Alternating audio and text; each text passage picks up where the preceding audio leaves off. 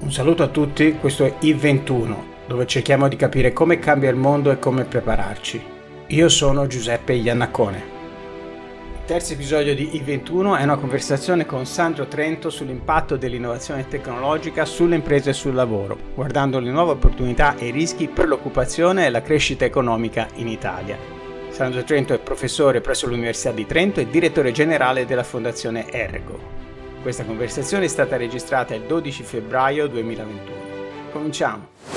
Dunque, noi eh, abbiamo dato un titolo di, di, oggi che è Innovazione nel lavoro, opportunità e rischi, eh, perché eh, beh, è un tema di cui si è parlato eh, insomma, numerose volte negli ultimi anni, specialmente eh, nel, nel, contesto della cosiddetta quarta rivoluzione industriale e la penetrazione nei processi produttivi sempre più ehm, eh, significativa della digitalizzazione, dell'informatica, della, della, robotica, che in qualche modo da un certo punto di vista è, è stato sentito come una, una minaccia per, per, il lavoro, in particolare per alcuni tipi di lavoro, funzioni diciamo più eh, facilmente automatizzabili e contemporaneamente eh, ha dato luogo a eh, vantaggi eh, evidenti, specialmente per i consumatori, no? per, per, per, i fruitori di particolari servizi o acquirenti di prodotti che, che mm, spesso grazie all'automazione hanno, hanno eh, visto i prezzi fortemente ridotti. Un aspetto che potrebbe essere quello da cui eh, cominciamo la conversazione è una eh, ricerca recente che ehm, che hanno firmato eh, Emilia Filippi e Sandro Trento dell'Università di Trento, e questo parliamo con Sandro oggi, riguarda gli effetti dell'automazione eh, sui lavori in Italia. Questo è un tema che è stato toccato dalla eh, ricerca in ambito economico più volte, e prima con analisi sul lavoro negli, eh, negli Stati Uniti, eh, diciamo, poi ripresa in vari contesti e paesi europei eh, applicando metodologie differenti, no? ma comunque analizzando mm, professione per professione, lavoro per lavoro, quali fossero le professioni intere, quindi l'occupazione intera, oppure parti dei compiti legati a ciascuna occupazione che almeno in principio potesse essere a breve termine automatizzata e quindi sostituita da, da, da macchine diciamo, digitali e, e non. Ehm, diciamo, ecco, mm, chiaramente eh, sei tu la persona più adatta a, a spiegare questo, questo, questo, tipo di indagine, come viene effettuata e poi i risultati eh, a cui porta. Allora, eh, è un tema importante perché, come tutti sappiamo, si parla appunto di nuova rivoluzione industriale. Lo stesso eh, dibattito in questi mesi di legato per esempio al recovery plan parla della necessità di favorire la transizione tecnologica. E ovviamente una delle preoccupazioni è legata alla maggiore diffusione di una serie di tecnologie eh, che possano andare a sostituire il lavoro umano e quindi la, la riflessione un po' è legata diciamo al concetto di disoccupazione tecnologica. Su questo magari ci ci dedicherei due parole. No? È un concetto abbastanza antico, eh, i primi a parlarne sono economisti addirittura dell'Ottocento. Eh, l'idea è che eh, la diffusione delle macchine renda il lavoro umano obsoleto. Qualche economista fa un paragone con i cavalli, no? e dice fino all'avvento delle, dei tram e degli autobus i cavalli venivano utilizzati per il trasporto sia delle persone sia delle merci, con l'avvento di una serie di mezzi di trasporto eh, moderni, eh, i cavalli vengono sostanzialmente sostituiti e non torneranno mai più ad essere utilizzati. Quindi partendo un po' da questo concetto che poi voglio tornarci sopra, ma adesso diciamo, il concetto è c'è un rischio di una maggiore disoccupazione tecnologica e in particolare ci sono una serie di tecnologie che possono portare alla sostituzione del lavoro umano, diciamo, con le macchine. Su questo filone ci sono lavori abbastanza recenti, fatti soprattutto negli Stati Uniti. Un lavoro che è considerato particolarmente importante è di Frey e Oxford, due economisti americani del 2017. Frey e Oxford ragionano in termini di occupazione, quindi la metodologia che utilizzano è una metodologia che parte dalle, dai settori occupazionali, cercano di calcolare la probabilità di automazione di questi settori e dopodiché eh, applicano queste probabilità agli Stati Uniti e quindi ottengono certi risultati.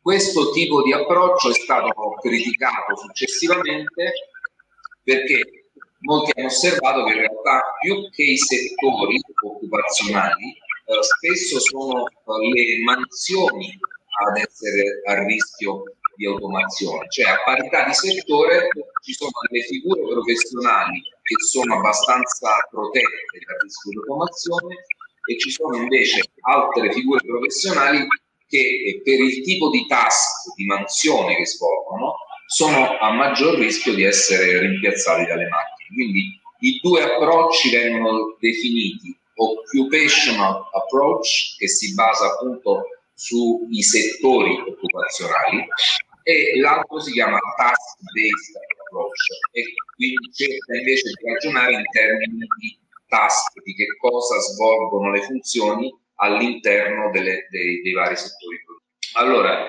i, i risultati sono eh, diciamo di media preoccupazione, nel senso che eh, diciamo, l'approccio applicato agli Stati Uniti dimostra che eh, la probabilità di automazione va da un minimo diciamo del 10% per alcuni settori, dicono Frey Oxford, a un uh, rischio molto elevato del 47% per altro tipo di professione. Quindi diciamo ci sarebbero settori nei quali la probabilità è relativamente bassa e settori per i quali questa probabilità è più alta e a questo tipo di ricerche si contrappone o si associa diciamo, le, i lavori, come ho detto, basati su task.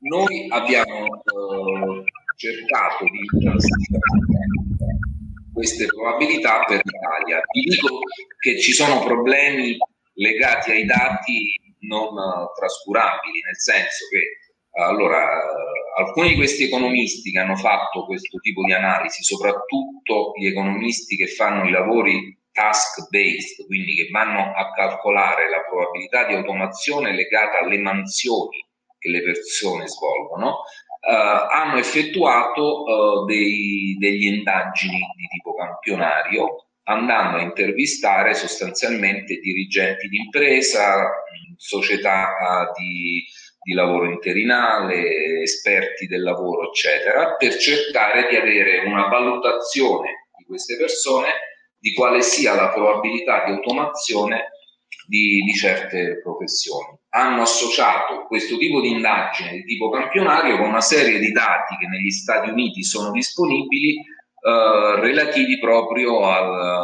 alla forza lavoro, dati che descrivono in qualche maniera la tipologia di lavoro che viene svolta a seconda di certe qualificazioni. Quindi c'è scritto se è un lavoro rutinario, se è un lavoro creativo, eccetera. Sono statistiche che il Labor uh, Office of Statistics uh, raccoglie negli Stati Uniti. In Italia non è che ci sono statistiche di questo genere, noi abbiamo cercato di utilizzare un'indagine dell'ISFOL che eh, cataloga uh, alcune professioni sulla base di alcuni criteri che, che, secondo noi potevano essere in qualche modo legati al rischio di, di automazione, quindi c'è il grado di creatività connesso a certe professioni. E abbiamo utilizzato dei dati OXE che in parte potevano essere utili e abbiamo cercato di calcolare la probabilità di automazione eh, per l'Italia utilizzando sia l'occupational uh, based approach che il task based approach. E eh, abbiamo ottenuto allora nel, nel paper che è stato citato non abbiamo elencato tutte le professioni, abbiamo, ne abbiamo selezionati nelle tabelle ne abbiamo selezionati alcuni. L'altro giorno parlavamo, quindi abbiamo, che ne so, i professori di scuola preprimaria, ma abbiamo calcolato anche quelli per uh, i professori di scuola uh, primaria, scuole superiori e così via. Quindi nella tabella riportiamo soltanto alcuni esempi. E i risultati sono abbastanza diversi, come del resto avviene nella letteratura, cioè tendenzialmente il task-based approach è un approccio più fine e riesce a calcolare, eh, diciamo, maggiore, con maggiore precisione la probabilità di automazione. L'Italia in realtà non è un paese che sembrerebbe da queste nostre ricerche in cui la probabilità è altissima rispetto ad altri paesi e, e tuttavia il nostro è un tentativo di richiamare l'attenzione su questo problema, quindi cercare di eh, sollevare l'attenzione sul fatto che il cambiamento tecnologico potrebbe portare al rimpiazzo di una serie di mansioni, di professioni con attività, con macchine, con uh, una serie di tecnologie. Questo è un po' il background. Ecco, i numeri sono abbastanza critici, no? Comple- complessivamente, nel senso che, che eh, ricordando eh, la situazione sulla media del lavoro, il 33% circa dei, dei lavori sono a, ad alto rischio di automazione con eh, l'approccio basato sul, sull'occupazione, mentre invece una cosa intorno al 18% è, è, è la, la, la, percentuale di lavori ad alto rischio se guardiamo il task-based approach. E però, Perché, ecco, come dicevo prima, task-based è più preciso e riduce l'area, no? Cioè, task-based vuol dire che in sostanza se una parte dei task di un certo lavoro è, eh, è automatizzabile, l'altra parte rimane fatta dal, da una persona e però complessivamente il numero totale di persone necessarie per fare quell'attività si riduce questo, certo. in, questo certo. Ecco, c'è una grande differenza tra uomini e donne, no? Perché una, una cosa che non era evidente guardando, cioè a, a, priori è che effettivamente a quanto pare i lavori degli uomini, secondo questa analisi, sono più facilmente sostituibili, automatizzabili di quelli femminili, no? E, eh, da che cosa dipende questo aspetto? Dal tipo di lavoro diverso pre- prevalentemente? Sì. O... Allora, va fatto un ulteriore approfondimento, però la, la, prima spiegazione potrebbe derivare anche dai settori e dal tipo di mansioni svolte da uomini e da donne. Quindi tendenzialmente gli uomini sono più utilizzati in tutta una serie di attività molto rutinarie, mentre le donne sono più frequentemente utilizzate in servizi alla persona, istruzione, sanità e così via che hanno minore probabilità di automazione. Quindi la, la spiegazione potrebbe essere anche legata proprio all'impiego, non solo. Le donne tendenzialmente nel manifatturiero lavorano più frequentemente nelle imprese di piccola dimensione, eh, mentre gli uomini sono più frequenti nelle imprese di grande dimensione. Come potete immaginare, l'automazione è più probabile nelle imprese di grande dimensione. Quindi c'è un aspetto, diciamo, settoriale e anche di tipo dimensionale. Questa è una mia prima interpretazione di questo risultato. Vediamo un po' dal punto di vista dei tipi di professione, no?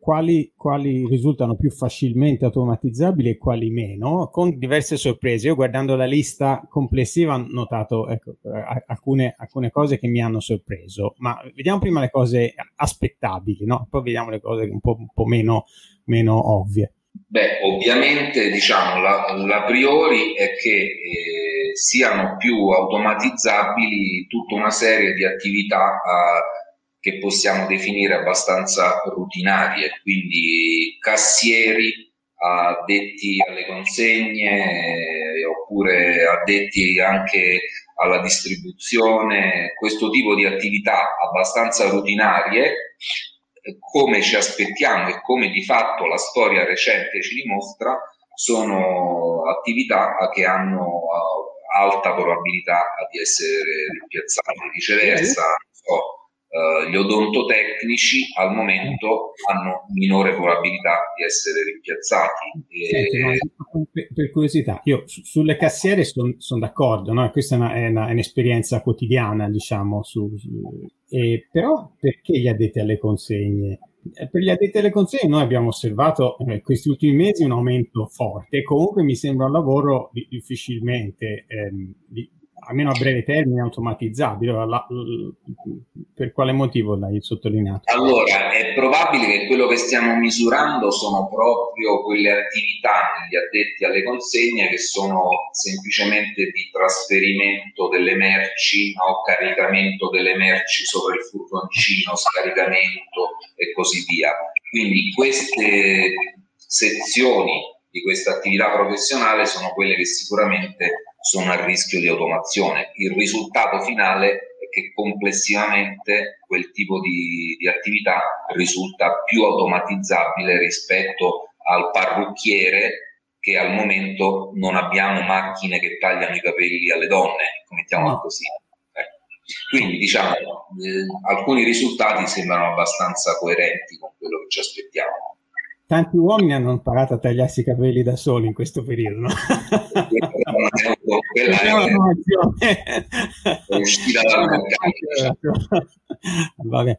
E, e, ehm, ecco, poi dicevi prima tu i, i, i lavori che, che eh, sono relativi alla cura pers- della persona oppure alle interazioni personali, eh, in realtà sono più protetti da questo punto di vista, giusto? Questo allora è molto complicato. Allora, in passato, diciamo, gli economisti fino a 7, 8, 10 anni fa raccontavano una storia abbastanza semplice. La storia era eh, le professioni a basso capitale umano sono quelle a maggior rischio di automazione, mano a mano che aumenta il capitale umano, quindi l'istruzione, la formazione, si riduce la probabilità di automazione. Questa è la storia che raccontavamo. E questa storia quindi dice la disoccupazione tecnologica è essenzialmente un problema di formazione dei lavoratori. Se i lavoratori venissero formati, la disoccupazione tecnologica si restringerebbe. Questo era il mantra degli economisti fino a 7-8 anni fa. Negli ultimi anni questo mantra comincia a vacillare perché perché ci sono tutta una serie di attività ad alto capitale umano che sembrano essere soggette a forme di innovazione e, e questo è forse un aspetto preoccupante. Pensate a una serie di professioni legate alla sanità, al fatto che ci siano macchine intelligenti capaci di leggere analisi del sangue, i raggi e quant'altro ed elaborare una diagnosi sulla base di quei risultati.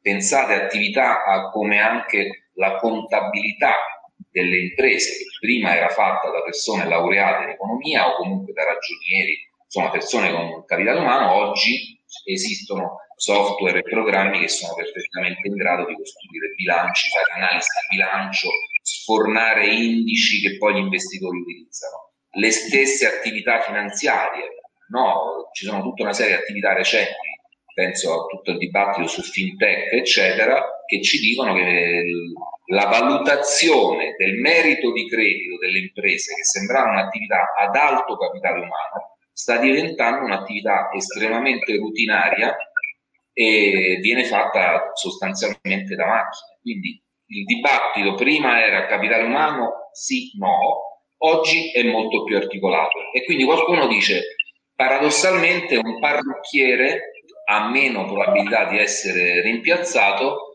di un radiologo, oppure che ne so, un cuoco potrebbe avere meno rischio di essere automatizzato eh, rispetto appunto a un uh, esperto di analisi finanziaria. Ecco, questo un po' è il quadro. E quindi che cosa rimane? Rimane uh, un ragionamento legato a attività, a, che, a professioni, task, eccetera, che comportano l'impiego di creatività. Su questa poi si discute che cosa vuol dire creatività, no? Quindi creatività non pienamente codificabile, creatività che comporta per esempio giudizi di tipo estetico, oppure pensate all'attività di un cuoco, eh, serve diciamo, la capacità di assaggiare, di sentire il sapore, al momento non abbiamo macchine che sappiano annusare un, un arrosto, ecco per dire. Quindi una componente di creatività, una componente di discrezionalità legata a, ad alcuni sensi che noi uomini abbiamo, considerazione tipo estetico e poi tutta la parte di tipo emozionale ed emotivo. Per questo l'attività di cura della persona viene considerata al riparo dall'automazione perché comporta legami di tipo, non dico affettivo, ma emotivo, emozionale. E per il momento, io dico per il momento, non abbiamo ancora inventato degli androidi che sono capaci di provare emozioni. Però i film di fantascienza sono pieni di storie no? di androidi che si innamorano, che hanno le storie d'amore con gli uomini, quindi magari tra dieci anni avremo dei robot che sono in grado di accudire un anziano e di farlo sentire accudito come se fosse un essere umano. Questo un po' è il quadro di, di, di ragionamento. Quindi tutti questi, questi, pezzetti, creatività, uh, utilizzo dei sensi, emozioni, eh, e quindi skill diciamo che al momento non sono codificabili sono quelli che assicurano eh, una maggiore protezione dall'automazione. C'è anche secondo me un altro aspetto che non riguarda soltanto la, eh, la codificabilità e, e, che in qualche modo intercetta il ragionamento sulla creatività che, che facevi prima, no? che, che mi pare sia eh, um, il cambiamento delle tecnologie di distribuzione, di distribuzione del servizio del lavoro, perché eh, eh, vabbè, è stata l'esperienza del passato, però mi, mi pare che si possa applicare anche al, al, al, presente. Il fatto che, per esempio, la, lavori eh, diciamo artistici, no? in, in, qualche modo sono associati naturalmente una dose elevata di creatività, poi di fatto nel momento in cui cambiano le tecnologie di distribuzione possono essere eh, come dire, per esempio, distribuiti molto più velocemente e su una platea molto più vasta e, e questo di per sé riduce il lavoro, no? Magari crea dei campioni che guadagnano tantissimo, però di, riduce quello che guadagna la, chi sta nella mediana della distribuzione. Eh, e questo è successo già semplicemente con la televisione,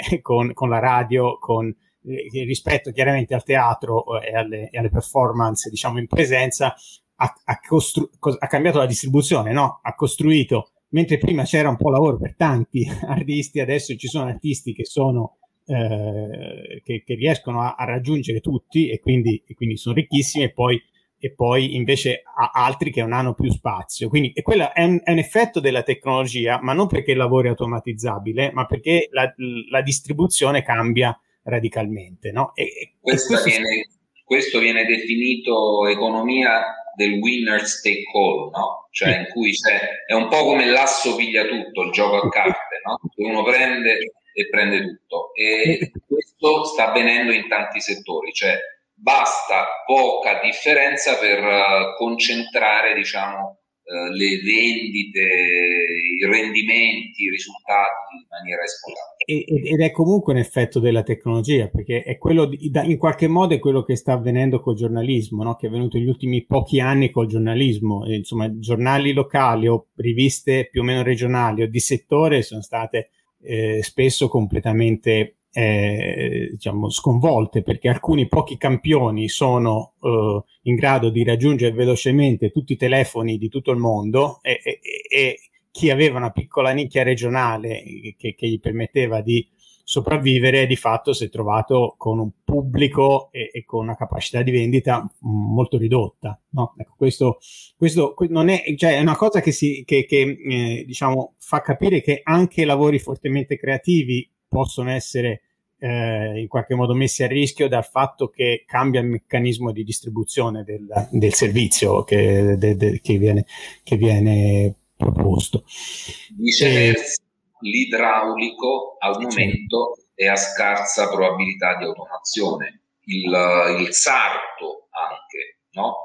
eh, le macchine possono fare una serie di abiti standardizzati, ma il sarto ha quella capacità di personalizzare l'indumento, l'abito, eccetera, sul gusto estetico del cliente. Quindi eh, è, è abbastanza complesso ancora tracciare delle linee chiarissime di demarcazione tra ciò che è automatizzabile e ciò che non lo è e impatta anche la distribuzione. Senti, eh, però questo impatta direttamente il discorso della formazione, no? del, del, del, um, della formazione e dell'educazione, perché una cosa che mi pare tu stia dicendo è che non è scontato che studiare di più eh, eh, automaticamente di per sé consenta di avere un, una professione meglio protetta, diciamo, no? da, dall'automazione. Però neanche dobbiamo dare il messaggio opposto che quindi per questo motivo non conviene studiare, bisogna stare attenti a che cosa. No? Immagino. Intanto bisogna stare attenti a che cosa si studia e comunque il messaggio che possiamo dare è quello che nel corso dei prossimi decenni ci sarà un continuo processo di introduzione, chiamiamole sempre macchine, ma ci siamo capiti, sono in senso lato il termine che sto utilizzando, e, e è probabile che però allo stesso tempo sorgano professioni, attività e lavori che oggi non siamo in grado di immaginare. E eh, quindi una persona deve prepararsi per un futuro nel quale gli sarà richiesto di eh, modificare la propria attività in continuazione, cioè varie volte nella vita potrà capitare che eh, l'attività che veniva svolta precedentemente non è più fattibile o, o viene rimpiazzata e quindi un elemento fondamentale è proprio la capacità di imparare. Ecco, più che soltanto i contenuti, diciamo, l'esperienza, per esempio, dell'università dovrebbe essere un'esperienza in cui uno impara ad imparare, impara ad avere un approccio che gli consente poi in altre occasioni nella vita di rimettersi in gioco e di studiare cose nuove. Questo è uno, un messaggio che mi sento importante da dare. Ecco, no, io volevo, guarda, lo vorrei ribadire perché a volte mi è capitato in altre in conversazioni, eh, anche insomma, private, con amici, persone, che, che questa, questa, cosa venga vissuta come la, la, in qualche modo la lesione di un diritto, no? Bei tempi, prima potevamo, adesso non, non, diciamo una cosa che abbiamo perso. Però, e, e quindi la, la, dico probabilmente con parole leggermente diverse, però mh, giusto per ribadire il concetto, il, il fatto che i lavori siano apparsi e siano scomparsi e c'è sempre stato, no? cioè, è una cosa diciamo, che nella storia c'è sempre stato. E è spesso successo che i padri, no, no, no, cioè che i figli non facessero il lavoro dei, dei, dei, genitori perché semplicemente il lavoro dei genitori era un lavoro che non esisteva più. Eh, queste sono cose che sono successe ed è una cosa normale. La differenza grande è che mentre prima questi cambiamenti avvenivano nell'ordine di tempo di, so, 50 anni, no? E, e, e, quindi magari un, un, tipo di lavoro, che ne so, operaio c'è stato per un po' di tempo, dopo 50 anni dopo quel tipo di funzione non c'era più perché era obsoleta, quel tipo di tecnologia, non si facevano più in quel modo le cose, no? Faccio un esempio, mia, mia madre fatto per, per, come lavoro la eh, centralinista, quindi all'inizio del suo lavoro proprio metteva in connessione le, le, le, le linee telefoniche per, la, per le telecomunicazioni, no? Per, le, per, la teleselezione in particolare. E chiaramente poi quello è stato automatizzato e 40 anni dopo nessuno faceva più quel lavoro. Questo è ovvio. Quello che è successo e che è diverso adesso è che questi cambiamenti ci possono essere in 10 anni. E a questo punto è chiaro che in una carriera, in, un, in, in 40 anni che una persona mediamente lavora, e, e può eh, eh, incontrare questi, questi cambiamenti. E non è una questione soltanto di ottenere una protezione sociale, ma bisogna che una persona effettivamente sia in grado di di a- avere la flessibilità eh, sufficiente per, per cambiare e, e, e, da questo punto di vista l'istruzione può fare tanto sia nella preparazione iniziale ma anche accompagnando la persona durante la carriera, no? Cioè costruendo dei momenti durante la carriera per, per, per poter, per poter um, come dire, ri- a- abituare le persone a un, a un, lavoro di tipo diverso o addirittura a un lavoro nuovo. Non è banale perché la, la capacità di apprendere cose nuove cambia un po' nel tempo, per uno sforzo che no, non era richiesto forse so, 30-40 anni fa, ma ora diventa importante urgente. Forse. Sì, allora, come dicevi tu, è un processo che è in atto da sempre. Pensiamo, che ne so, a tutti i lavori legati alla cura dei cavalli, tanto per una, no? Il maniscalco, eccetera, quello che faceva le selle, le carrozze, sono tutti lavori che sostanzialmente sono diventati lavori di nicchia ma pensate ai cappelli. Pensate che fino agli anni 50-60 tutti gli uomini giravano con il cappello e quello dava lavoro a tantissime persone, no? C'era tutto un settore che produceva cappelli. Oggi il cappello lo portano forse mio figlio porta il, berretto con la visiera, il ketto, ma non vedo molti uomini con il cappello, quindi sono una serie di processi legati al cambiamento tecnologico o al cambiamento nei gusti dei consumatori che portano al declino e alla sparizione di interi settori. Eh, come diceva Giuseppe, oggi il processo è molto più rapido e, e come vi sto cercando di dire, non è chiarissimo eh, chi può esserne vittima, quindi bisogna stare attenti e in questo servirebbero politiche del lavoro e politiche industriali adeguate a un processo di cambiamento di questo tipo. E allora intanto ci vorrebbero delle reti di protezione sociale di tipo universale, su questo sicuramente eh, diciamo, il dibattito c'è da anni, si continua a parlare, ma siamo ancora in una situazione in cui ci sono categorie di lavoratori, prevalentemente giovani con contratti di tipo temporaneo, partite IVA, lavoratori autonomi che al momento non hanno coperture di eh, sicurezza sul reddito, quindi sostanzialmente chiamiamole indennità di disoccupazione paragonabili a chi lavora con una certa protezione e che perde il lavoro, quindi eh, i, lavora, i lavoratori diciamo a tempo indeterminato di settori più tradizionali. Quindi c'è un problema intanto di creare una, chiamiamola così, un'indennità di disoccupazione universale che protegga tutti, a prescindere dalla tipologia di contratto e dall'età, dal rischio di disoccupazione che oggi fa parte della vita delle persone, mettiamola così. Nella vita delle persone ci possono essere dei periodi in cui si resta senza lavoro. Però questo non basta, perché se no facciamo un sistema fondato sul sussidio, no? Eh, cioè noi diamo i soldi alle persone per non lavorare e si dilapida capitale umano in quel periodo là. E quindi la seconda gamba è data da politiche attive del lavoro. Politiche attive del lavoro significano essenzialmente orientamento e, e uh, formazione. Orient- orientamento significa agenzie del lavoro capaci di dire alle persone attenzione, c'è una grande richiesta di lavoratori di questo tipo in questa provincia, in questa regione, se sei disposto puoi andare a lavorare lì. E politiche della formazione significa costruire un sistema di riqualificazione e reskilling delle persone. C'è tanto da fare perché oggi in Italia non, non abbiamo nessuna delle, di queste tre cose che ho citato, né indennità di disoccupazione universale, né politiche di orientamento adeguate e né politiche di reskilling moderne come in altri paesi. Ecco, ma e, e, secondo te questo reskilling chi, chi, lo potrebbe fare, chi lo dovrebbe fare? Perché in realtà ci sono tanti attori possibili, no? E, e anche, anche, la modalità, nel senso uh, che noi a, a, diciamo, spesso eh, abbiamo una formazione che viene fatta eh, dall'im- dall'impresa, a cura dell'impresa quantomeno, e, e questo, diciamo, eh, magari può preparare la persona a, a, a, al cambiamento del lavoro nell'impresa stessa, ma non facilmente a cambiare impresa, a cambiare settore, a cambiare lavoro. Quindi ehm, cioè, potrebbe essere utile eh, anche che la persona potesse in qualche modo scegliere, no?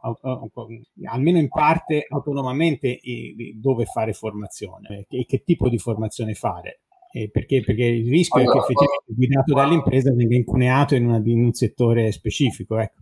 Allora, l'impresa tendenzialmente ha interesse a fare formazione che eh, accresce skill di tipo idiosincratico specifico, no? Quindi è chiaro che l'impresa avrà incentivo a formare persone che siano, diciamo, specifiche come qualificazione e come skill per le esigenze dell'impresa stessa e ci sta, è giusto che sia così.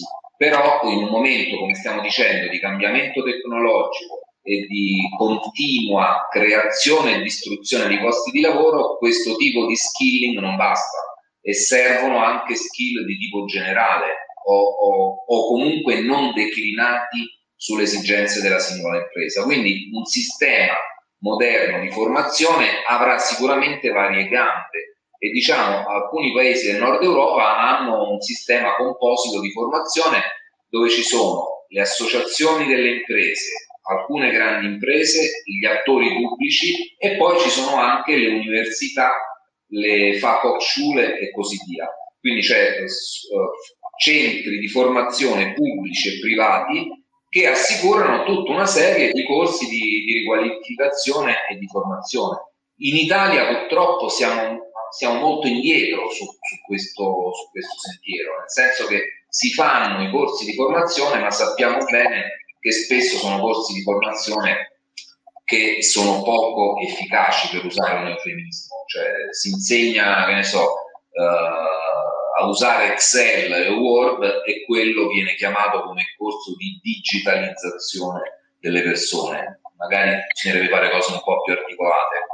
Però l'idea dovrebbe essere, allora qualcuno ha proposto che eh, eh ciascun cittadino all'età adulta abbia una dotazione, abbia in dotazione un certo capitale per la formazione permanente e che possa attingere a questo capitale durante il corso della vita. E contribuirà anche lui a, diciamo, a, questo, a questo capitale nel corso della propria esistenza nei momenti nei quali lavora e non è privo di lavoro. Quindi una sorta di fondo personale al quale uno versa qualcosa, il resto viene versato dall'impresa e dallo Stato, e che possa utilizzare durante l'arco della vita, una sorta di, uh, di fondo diciamo, per l'istruzione e per la formazione. Forse dovremmo entrare nella logica di questo tipo di strumenti di welfare, cioè immaginare che la formazione continua sia una parte essenziale come oggi noi consideriamo la pensione come una cosa essenziale per l'età anziana. È qualcosa tipo l'introduzione delle pensioni fatta da Bismarck a metà dell'Ottocento. No, ecco, questo, questo me, eh, su questo aspetto sono molto d'accordo perché devo dire che eh, a me colpisce molto il fatto che effettivamente eh, spesso persone che lavorano non considerano così importante il loro diritto alla fine, no? E non è, non è una questione che anche nei contratti collettivi si negozia molto su, sul, sull'orario, sul, sul, chiaramente sulla um, retribuzione, però la, la, la formazione, eh, l'esigenza di formazione da parte, da parte, di chi lavora viene, viene presentata eh, poco come esigenza, e invece sarebbe un, una cosa anche, anche eh, cioè, da questo punto di vista è fondamentale e per il nostro sistema, come dicevi tu, sarebbe rivoluzionaria. Devo dire che io rispetto a forse mi fido un po' di meno della capacità dei singoli di discernere e, e, di, e di, capire eh, qual è la formazione che gli può dare più, più, più possibilità nel futuro.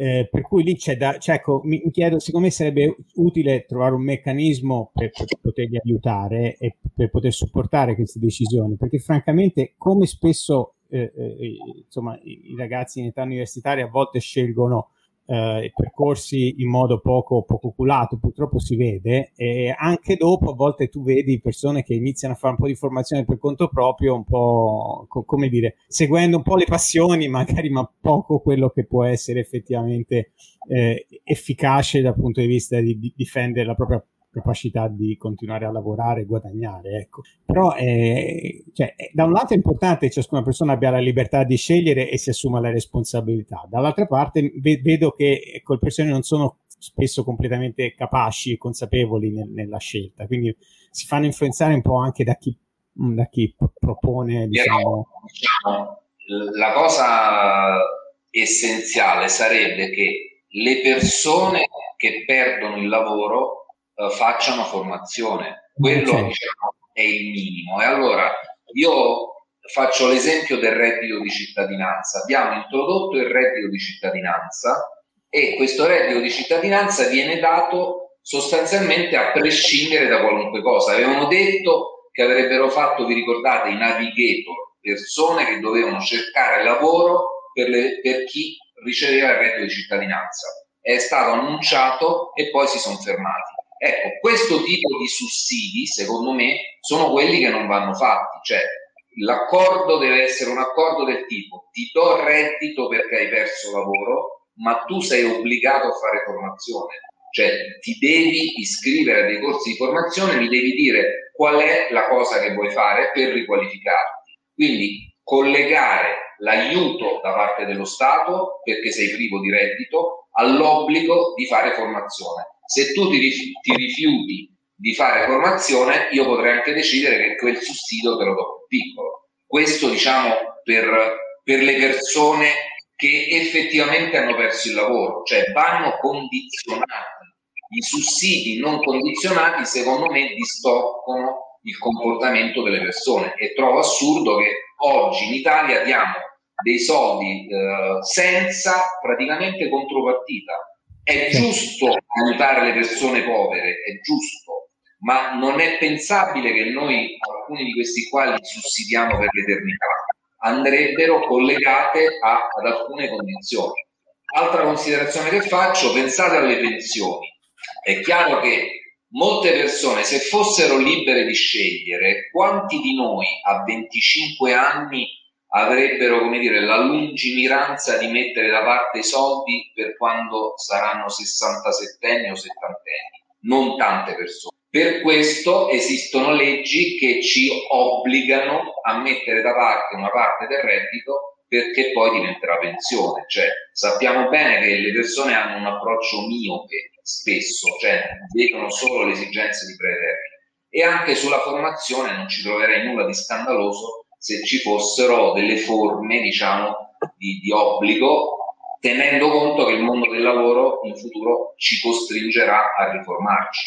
No, eh, cioè, poi aggiungerei anche, potrebbe essere un po' importante, eh, eh, che, che, chi eroga formazione abbia eh, un vincolo al fatto che, che, che, poi le persone formate si, si ricollochino, quantomeno diciamo, dal punto di vista del finanziamento che ricevono per erogare la formazione, no? in modo che abbiano un incentivo chiaro in, in quella direzione. Senti, vi, ci avviciniamo un po' verso, verso eh, la fine. Mi piacerebbe parlare di un'altra cosa che, che, che, che, è un tema che, so che ti è eh, molto caro anche professionalmente ed è ehm, l'aspetto dell'imprenditorialità, perché quello è un aspetto che può essere molto molto legato alla capacità di in qualche modo eh, essere eh, flessibili e, e, non dico reinventarsi come lavoro, ma in, realtà cioè, acquisire que, quella, quella, capacità di stare attento a tutti i mutamenti del, del, del mercato, riposizionare le proprie attività per, per mh, mm, come dire,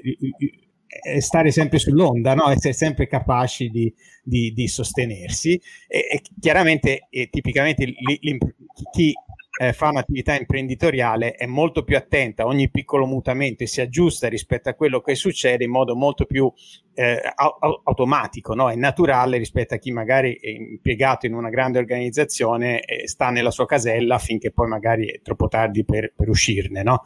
da questo punto di vista anche diciamo, chi fa formazione a livello universitario può dare una mano. No? Io so delle attività che fai a Trento, magari ecco, puoi, puoi raccontarcela così ne parliamo nei minuti finali.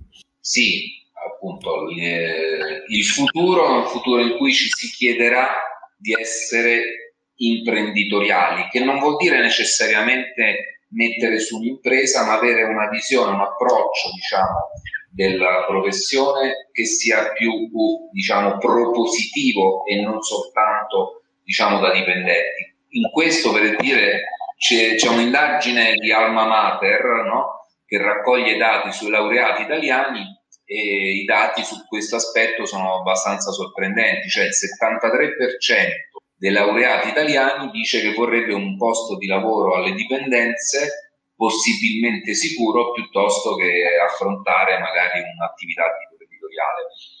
E, e, su questo dovremmo un po' ragionare, riflettere, no? perché spesso sentiamo dire che l'Italia è il paese degli imprenditori delle piccole imprese, se poi andate a guardare i dati della demografia delle imprese, cioè la natalità delle imprese, eh, scoprite che non siamo un, un paese in cui c'è un'altissima natalità delle imprese c'è uno stock di imprese accumulato abbastanza rilevante, ma il flusso, cioè eh, l'entrata eh, di, di, di, nuove imprese non è particolarmente alto se confrontato con quello di altri paesi. Allora, noi che facciamo? Noi abbiamo, come è stato detto prima, abbiamo un contamination lab che, che oggi diciamo, è presente, vedo che si sta diffondendo in vari posti, che è un, una, una struttura, uno spazio dove facciamo formazione di tipo innovativo e imprenditoriale. Il SILAB fa parte della School of Innovation la School of Innovation eh, racchiude una serie di dipartimenti tecnologici e di tipo sociale e umanistico, quindi c'è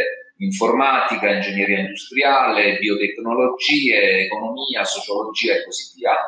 E, e facciamo un percorso formativo nel quale il, l'approccio innovativo è uno dei cardini di, della formazione e per ehm, diciamo, costruiamo gruppi di studenti con uh, diciamo, background diversi, quindi iscritti a corsi di laurea anche molto distanti tra loro. Ci sono studenti di lettere che lavorano con biologi e così via. E parte dei problemi che questi ragazzi devono analizzare sono problemi di tipo reale, quindi noi chiamiamo imprese, non necessariamente trentine, ma anche di, altre, di altri paesi e così via, facciamo una call le imprese portano un problema concreto. E di solito ci sono 12 settimane di tempo, in queste 12 settimane di tempo questi gruppi di studenti studiano il problema e, e fanno delle proposte e spesso vengono fuori delle idee molto, molto interessanti, proprio perché c'è questa pluridisciplinarietà e questo stimolo diciamo, dell'attività di tipo creativo.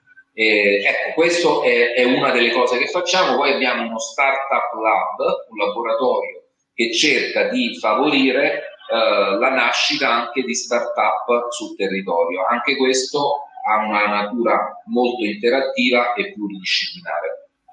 No, qua, a Pisa noi per esempio non abbiamo una School of Innovation, però il Contamination Lab mh, ovviamente ce l'abbiamo, anche un, un, un'attenzione particolare alle start-up, ma secondo te che cosa manca in generale proprio nel, nel, nei, nei, nei, giovani e come si possono aiutare? Eh, ora, chiaramente immagino che lo School of Innovation per te sia un, un meccanismo utile, no? ma che cos'è che manca? Cioè perché c'è questa cosa del, del insomma mi è, mi è, venuto in mente che Cozzalone quando, quando parlavi tu con la storia del posto fisso no?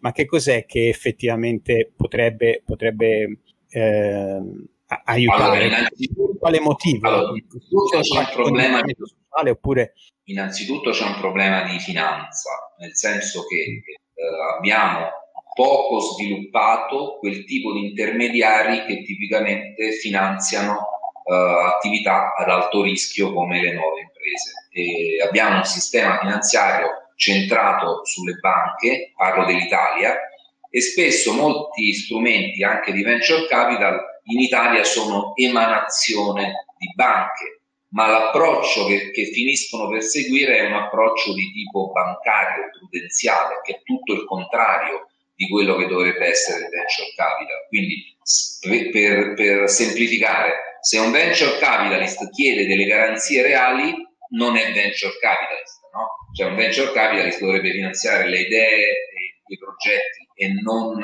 farsi garantire dagli immobili che, che l'imprenditore ha. Quindi secondo me c'è un primo problema di finanza e spesso gli acceleratori, gli incubatori di impresa che abbiamo in giro per l'Italia sono anche utili per stimolare l'imprenditorialità, ma poi si trova un collo di bottiglia che è dato dal fatto che ci mancano in Italia intermediari, eh, fondi eh, che siano in grado di cogliere le potenzialità di questi progetti imprenditoriali. Questo secondo me è un grande problema e forse andrebbe affrontato a livello di politica economica. E sull'altro tema, cioè perché in Italia poche persone diciamo, vogliono fare gli imprenditori, eh, mi sentite? Sì, sì. Perché mi sembra essere... Mi senti? Sì, sì, ti sento bene, mi sono abbastanza sì? ritorno. Ok. Sull'altro filone io voglio fare una considerazione un po' generale. Il, uno dei problemi, diciamo, italiani, perché se, se ricorriamo a una spiegazione di tipo culturale e diciamo gli italiani per cultura eh, non vogliono fare imprenditori, non ci possiamo spiegare come mai siamo un paese con eh, centinaia di migliaia di piccole imprese. No? Quindi io non credo che sia una questione culturale. Io quello che penso è che purtroppo in, eh, in molte attività economiche e quindi in molte attività imprenditoriali si percepisce in Italia l'interferenza di una serie di soggetti esterni al mercato e per dirla tutta l'interferenza degli amministratori, della politica, dei governi eh, intesi come amministratori locali che finiscono per uh, pregiudicare la possibilità che un progetto di impresa si affermi sulla base del merito e non sulla base delle conoscenze che l'imprenditore ha, ha rispetto all'assessore, al politico, eccetera, per non parlare di veri e propri fenomeni di corruzione. Cioè l'attività imprenditoriale in Italia purtroppo è eh, diciamo deviata dal fatto che troppo spesso ci sono interferenze di altra natura. E quindi voglio giustificare il fatto che alcune persone abbiano timore a, a fare l'imprenditore perché pensano che poi il mercato nel quale vanno a operare non è un mercato meritocratico in cui vince necessariamente il più bravo, ma delle volte vince quello che ha gli agganci politici, le conoscenze o paga uh, le tangenti. Ecco, questo è un problema che va tenuto conto per non dire che gli italiani sono, come dire, no, uh, cieco zalone. Eh, no, no. No, ma infatti no, io lo, a quel punto lì lo, lo, lo citavo a mo' di, di, battuta, ma da questo punto di vista sono, sono, sono d'accordo. In realtà negli anni, eh, specialmente de, negli anni del dopoguerra, sono nate tantissime eh, microimprese o operai che uscivano dalla loro, dalla loro, fabbrica e si mettevano in proprio, facevano i fornitori no, del pre- precedente datore di lavoro e poi sono cresciuti. Noi, insomma, parte della, della, del miracolo economico italiano è stato costruito da questi micro imprese che poi sono cresciute. Oh, sì, sì, è una nuova generazione di imprenditori e questi secondo me dovrebbero uscire dalle aule universitarie. Cioè lo, siamo diventati un paese vicino alla frontiera tecnologica. Negli anni 50 eravamo un paese inseguitore, eravamo un paese povero che imitava i paesi più avanzati. Quindi era una storia semplice. Cioè, avevamo dei modelli, Stati Uniti, Germania, eccetera, copiavamo eh, tecnologie e prodotti da quei paesi là. Oggi siamo diventati un paese ricco, siamo alla frontiera tecnologica e sta a noi spostare ulteriormente la frontiera. E come si fa? Con una nuova generazione di imprenditori. La differenza cruciale tra oggi e gli anni 50 è che gli imprenditori del passato spesso non erano istruiti, era gente che aveva fatto lavori concreti in fabbrica e si metteva in proprio. Oggi non è più possibile, oggi per fare l'imprenditore servono competenze, conoscenze, spesso anche di tipo tecnologico e scientifico e quindi la nostra diciamo, possibilità di crescita dipende essenzialmente da quanti laureati, dottorati, eccetera, decidono di mettere su un'impresa. È, è questo, cioè non c'è, non c'è via d'uscita, dovremmo avere una quota maggiore di spin-off, start-up di tipo universitario, di imprenditorialità studentesca che faccia nascere nuovi settori in Italia. Questa è, è, la sfida. E qua serve la finanza. Però. Servirebbe che qualcuno costruisse eh, intermediari, soggetti finanziari capaci poi di finanziare il giovane biologo che ha messo a punto una molecola particolarmente efficace per la cura di una certa malattia. C'è, c'è, un aspetto importante secondo me che è anche proprio, come dicevi tu, legato alla formazione, che noi vediamo spesso laureati di discipline tecniche varie, effettivamente molto forti sugli aspetti disciplinari, tecnici, però francamente a volte proprio ingenui o veramente ignoranti degli aspetti più, più, più, legati a come funziona un'impresa, come si compra, come si vende, come si va in banca a non cerca di fare questo. Ecco, la scuola di inglese cerca di fornire agli ingegneri, agli informatici, ai biologi, ai matematici dei rudimenti sul mercato, l'impresa, il profitto, i brevetti, eccetera. Sì, questo è, è, un aspetto, è, un aspetto, importante, cioè do, dobbiamo in qualche modo capire che deve far parte del bagaglio culturale di, un, di, un, di una persona con una formazione superiore anche quell'aspetto, magari non di tutti, ecco, perché non, non, non, è necessario assolutamente per tutti, però deve essere una cosa che una quota importante de, de, degli studenti possiede perché lo, aiuterà poi nel, nel, nella scelta de, di un percorso di, di lavoro. Ehm, Dunque, io volevo vedere se c'era qualche domanda da parte di chi ascolta. Io ho visto qualche commento, ma non c'è un commento sul ritorno audio fastidioso prima, ma eh, questo penso di averlo risolto. E guarda, fa, passo un commento di Marco Cozzolino che sta vedendo su YouTube che dice: Ma eh, commentava quello che hai detto sulla sartoria, no? che eh, in, in, qualche modo anche anche quel lavoro è, è, può essere ehm, può, può, avere un impatto dal, da, da, dal, cambiamento delle tecnologie. Questo effettivamente è una cosa che, che, che, che è vero, è nota e, e, e io, è legata alla, sarto, eh, io ho parlato di sarto per dire sì. che il sarto in realtà ci mette una componente di tipo estetico, discrezionale, sì. che è un po' più tutelata, però cioè, è veramente difficile immaginare oggi, anche il professore universitario probabilmente no, tra un po' avremo la possibilità di avere lezioni di strategia aziendale fatte da computer. Eh no, no vabbè, certo, c- sicuramente, ne- ma nel lavoro di tutti ci sono dei task, cioè delle componenti, dei compiti che possono essere eh, di, di, o automatizzati oppure modificati fortemente dal, dal, dal, dalla distribuzione, no? dalle tecnologie di distribuzione che sono, che sono cambiate e... Però un messaggio che vorrei mandare alla fine, no? Un aspetto importante è il fatto che l'introduzione di queste nuove tecnologie acc- dovrebbe accrescere drasticamente la produttività.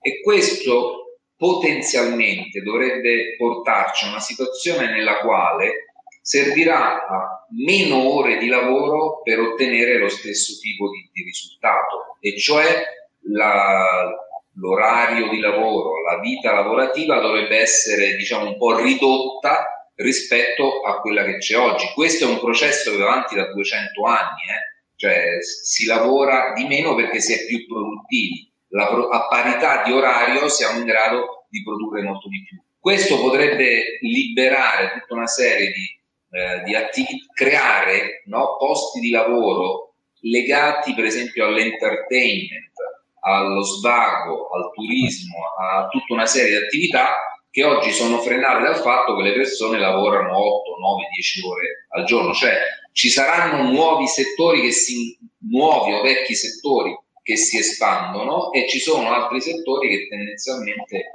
eh, si restringono, però il messaggio complessivo vuole essere un messaggio ottimista, non è che vogliamo diffondere l'idea che sia eh, diciamo, la disoccupazione di massa. Eh, anzi, l'idea è quella di dire bisogna stare attenti, formarsi, ma le persone formate e capaci troveranno sempre una cosa nuova da fare perché ci saranno nuovi prodotti, nuove attività e così via.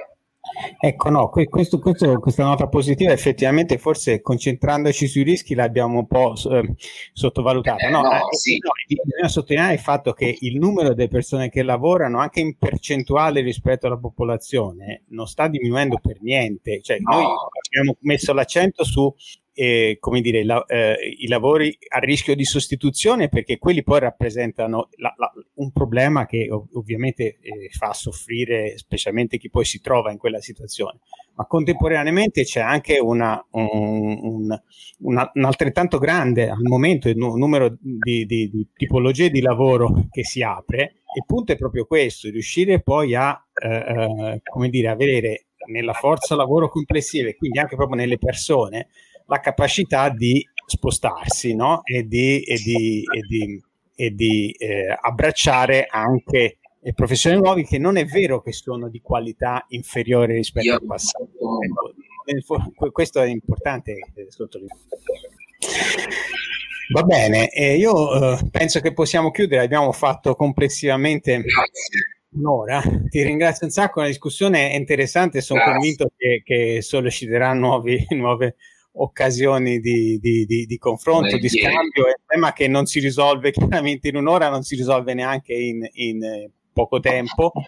È un tema che, visto, è abbracciato anche dal, da, dallo strumento del, del, Fondo di Resilienza e Ripresa no? della, della, Commissione Europea, quindi senz'altro nei prossimi mesi se ne dovrà parlare a lungo e che dobbiamo sperare che anche il nostro Paese cerchi di, di utilizzare quel fondo e quello strumento per riuscire a, a, a anche a, a, incidere sulla uh, formazione di, di, di, di, chi lavora. Ecco, quello è un, un, argomento sempre aperto e ci sarà occasione di, riparlarne. Eh, quindi ringraziamo ancora Sandro Trento, chi ci ha seguito finora e chi ci seguirà più, più avanti su, su, su YouTube o su Facebook dove questa conversazione rimarrà. Grazie ancora e buon fine settimana. Grazie, grazie.